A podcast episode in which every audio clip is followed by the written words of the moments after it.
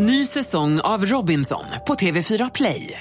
Hetta, storm, hunger. Det har hela tiden varit en kamp. Nu är det blod och tårar. Fan händer just nu. Det. Detta är inte okej. Robinson 2024, nu fucking kör vi! Streama söndag på TV4 Play. Du lyssnar på en podcast från Expressen. Ansvarig utgivare är Thomas Mattsson.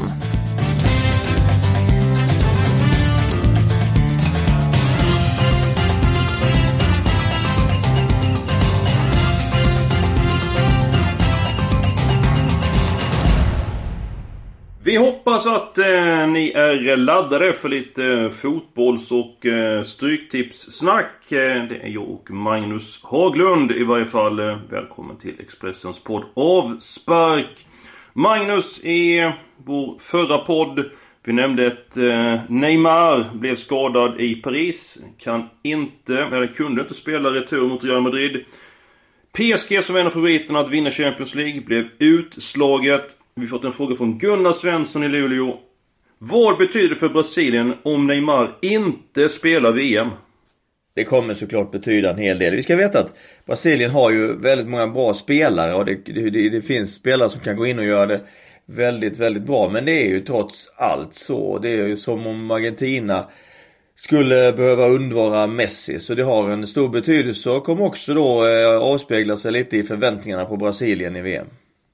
Ja, och eh, dessutom blir det ju en profil mindre i eh, VM. Neymar är ju en av världens bästa fotbollsspelare. Självklart vill vi se honom på eh, plan. På tal om skador, Magnus, och fotbolls-VM. Svenske landslagsmålvakten Robin Olsen blev skadad i förra veckan. Vad betyder det för att inte han spelar? Ja, han har varit tydlig uttalad första målvakt och blivit väldigt samspelt med med, med fyrbackslinjen och, och övriga laget och var ju väldigt delaktig att Sverige gick till VM. Så det skulle givetvis inte vara bra. Eh, sen har vi ju trots allt några, några målvakter bakom som är, som är bra. Hur ser din lista ut där på målvakten efter Robin Olsson? Ja, vi har ju Kristoffer Nordfeldt som ju är i Swansea. Jag håller honom för att vara en mycket duktig målvakt. Dessutom väldigt skicklig med fötterna. Eh, stark målvakt. Tuff. Han, eh, på, alltså problemet för Kristoffer Nordfeldt är ju att han spelar för få matcher. Eh, för få A-lagsmatcher just nu. Han spelade i cupen. Ja, det är synd. Det är synd för att jag håller med dig. Det är en väldigt duktig målvakt. Sen inte får chansen eh, mer i Swansea. Ja, man har ju satsat på Fabianski där. Eh, som har spelat eh, allt i ligan och så har han fått hålla till godo med, med cupmatcher då, Kristoffer. Men jag, jag gillar honom. Han, jag tror han hade klarat uppgiften på ett, på ett bra sätt. Är han första så tycker du? Ja, han är det. Eh, nästa på min lista är då Carl-Johan Jonsson. Som ju har haft en eh, jätte, ett par jättefina säsonger. Spelar nu varje match i franska högsta ligan. Vilket är rätt så imponerande. Eh, en målvakt, lite late bloomer som har blivit bättre och bättre med åren som, som målvakter ju kan, eh, kan bli och kanske nå sin topp runt 30. Mm. Eh, mm. Vem var det som nummer tre då? Där har jag Andreas Isaksson. Ja, hur tänker du där? Jag tänker att eh, det är ju en, eh, en extremt skicklig målvakt fortfarande. Enorm erfarenhet. Att få med honom Ifall Robin Olsson inte kan åka med, få med honom i truppen hade betytt, eh, tror jag, väldigt mycket och det kanske till och med så att Isaksson är den då som kanske till och med skulle mm, spelat. Det kan man ju, det blir ju en senare fråga men men han är alltså, jag hade satsat på, och, på Isaksson i truppen om jag hade fått ta ut den. Hur pass sugen tror du att han är på ett eh, VM-slutspel? Det är klart att alla vi spelar VM, men han har ju sagt att han har gjort sin eh, sista landskamp. Eh, vad tror du? Jag tror alla är, som håller på med fotboll är sugna på ett VM. Han var nog inte kanske så sugen på resan dit. Med alla eh, matcher och kvalmatcher och resor och samlingar. Däremot ett VM, det lockar. Det menar jag att det lockar. Eh, det lockar alla. Det har fått Henrik Larsson att göra comeback och det, det har fått Zlatan att öppna dörren. Ja, vad tror du om Zlatan förresten? Ja, det är ju ett långskott eftersom han eh, inte spelar än i Manchester United. Men eh, Ja, det återstår att se. Vi får uh, följa med med spänning, se vad som händer där. Nu får du bara svara ja eller nej på de här frågorna. Är Andreas Isaksson med i VM-truppen? Sannolikt nej eftersom jag tror att... Ja, det är ja eller nej var det Magnus. Ja, då är det nej. Ja. Eh, Zlatan har med i VM-truppen? Nej. Bra! Då ska du få eh, minna eh, säkra den här eh, veckan. Och i nordöstra England spelar Newcastle mot eh, Southampton. Eh, Southampton har påtagligt svårt att göra mål när Sean Austin inte spelar. Shane Long var tillbaka senast. Var lite grann ring, ringrostig. Borde gjort mål eh, när han kom in. Eh, jag tror att Newcastle i kraft av hemmaplan tar hand om alla eh, poängen. Wolverhampton eh, spelar högst eh, troligen i Premier League till hösten. De har ett järngrepp om första platsen i The Championship. Aston Villa är i strålande slag. Var överlägset Sunderland i veckan.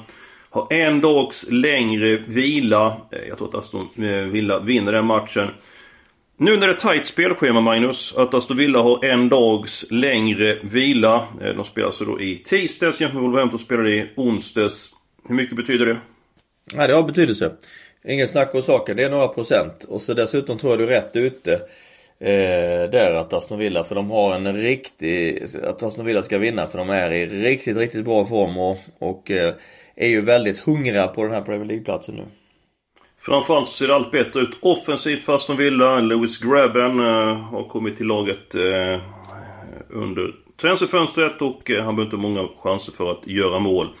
Sen tar jag emot en eh, motivationssättare i match nummer 8. Hall mot Norwich. Eh, Hall fick tillbaka eh, flera spelare, bland annat Abel Hernandez som inte spelat sedan augusti. Eh, han gjorde mål, men det blev förlust ändå. Nu tror jag att Hall, de känner att de måste vinna sina hemmamatcher om kontraktet ska rädda, räddas. Norwich gjort det bra, men jag tror att Halls motivation är högre än Norwich. Så att där kommer jag att spika ettan. En fråga från Anders Boé i Ekerö. Eh, en fråga till er. Jag undrar när ni anser en trend har uppkommit. Till exempel ett lag som vinner eller förlorar ett visst antal matcher i rad.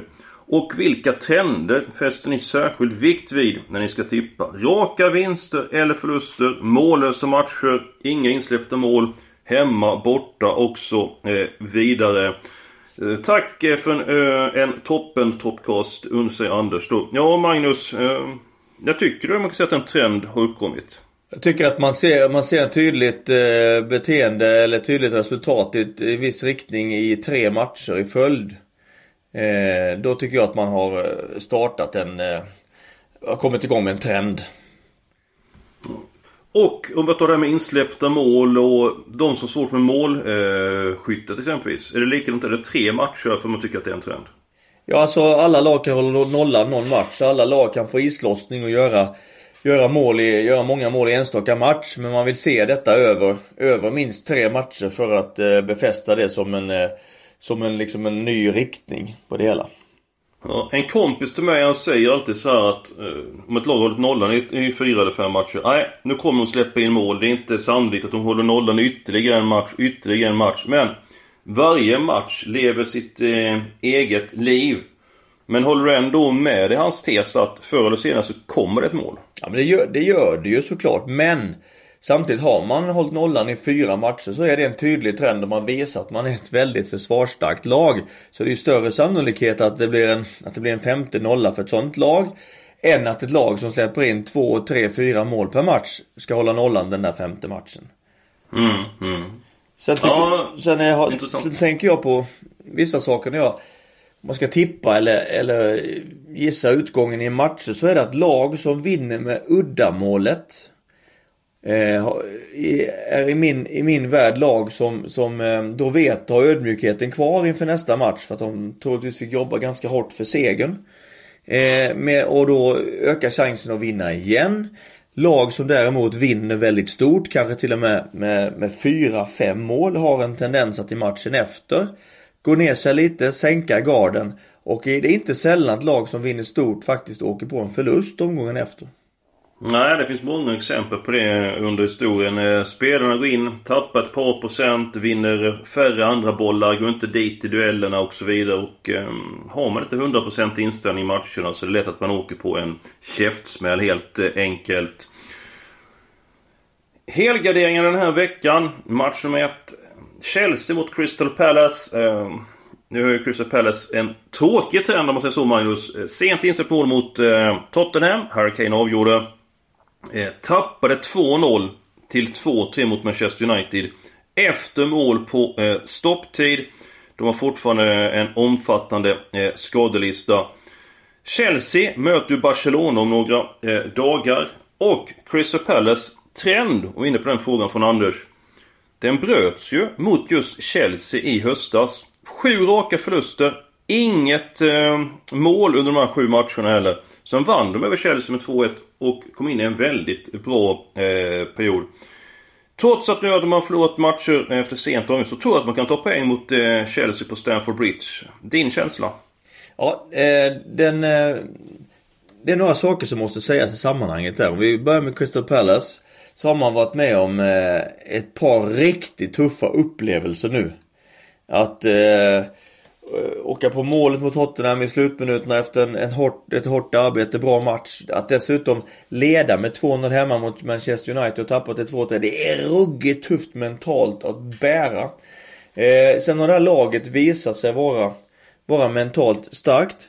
Eh, mm. Man slåss för sin existens, man är välorganiserade, man har några riktigt vassa kort där framme som kan avgöra matcherna. Chelsea å sin sida, som du sa, man har, man har Barcelona-matchen att tänka på och fokusera på.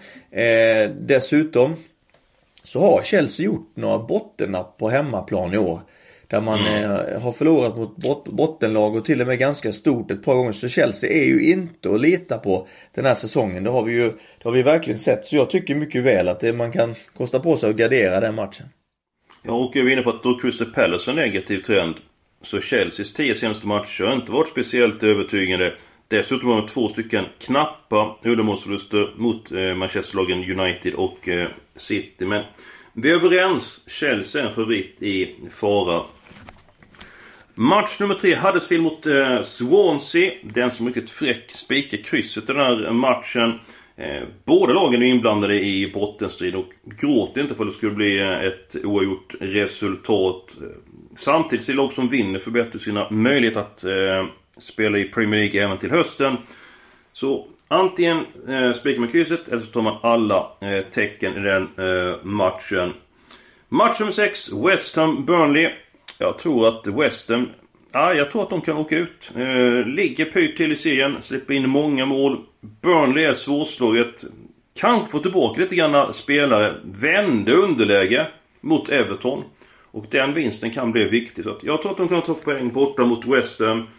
Din känsla? Ja, de fortsätter ju bara och bara överraska hela tiden med sin extrema eh, fighting spirit Burnley som gör att de är de gör, de gör liksom jätteinsatser varje match. Och ja, West Ham är läget nu där det verkligen börjar bränna. Så de skulle falla, som vi har pratat om tidigare i den här podden, de skulle falla så enormt tungt med tanke på hur stor klubb West Ham är. Så att de har verkligen allt att, allt att förlora. Burnley, de är de går på ångorna, de kör bara på. Jag trodde att deras säsong skulle bli riktigt lång. Men de, de motbevisar mig hela tiden. Så att eh, ja, det kan mycket väl bli så att, eh, att West Ham eh, får en jättejobbig lördag och inte kommer inte får gå hem med någon poäng alls. En eh, fråga från eh, Mattias Jensen. Eh, vi lämnar Stryktipset för en stund. Svenska Kuppen är igång. Det tycker jag är väldigt kul. Tycker det är kul att se på fotboll, svensk fotboll tidigt på säsongen. Eh, en fråga till dig här Magnus. Eh, vilket lag tror du vinner Svenska Kuppen och varför? Jag tror Östersund vinner, igen. Eh, därför att man är...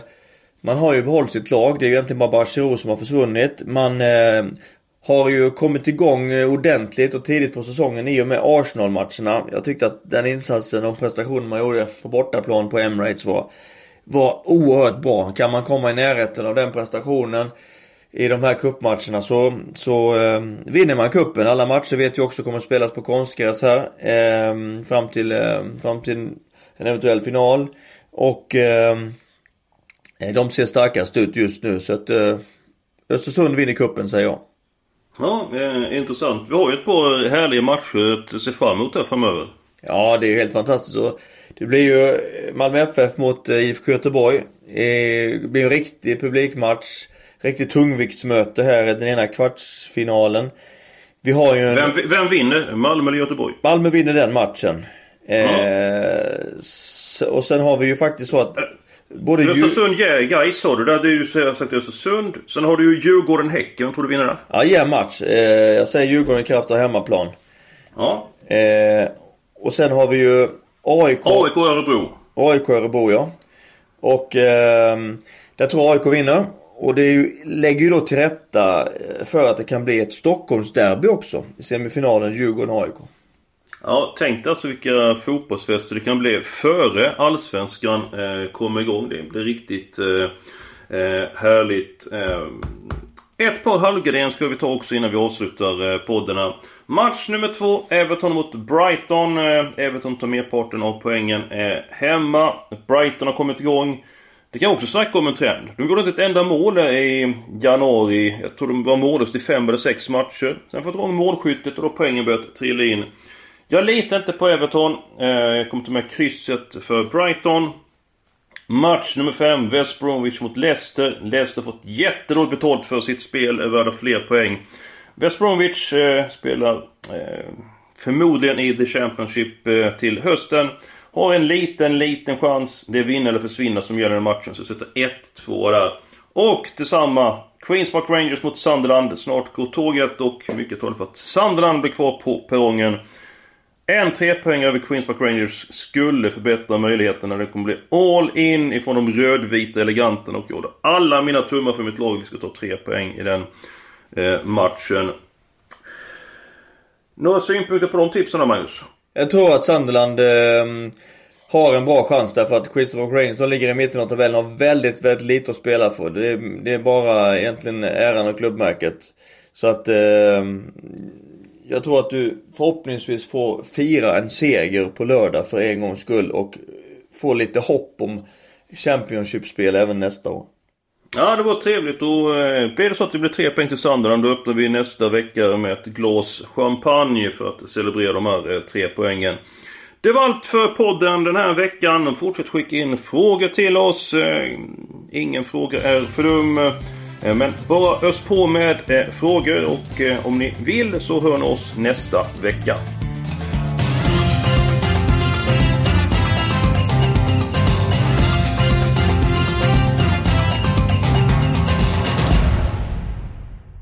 Du har lyssnat på en podcast från Expressen. Ansvarig utgivare är Thomas Mattsson. Ny säsong av Robinson på TV4 Play. Hetta, storm, hunger. Det har hela tiden varit en kamp. Nu är det blod och tårar. Fan händer just det. det detta är inte okej. Okay. Robinson 2024, nu fucking kör vi. Streama söndag på TV4 Play.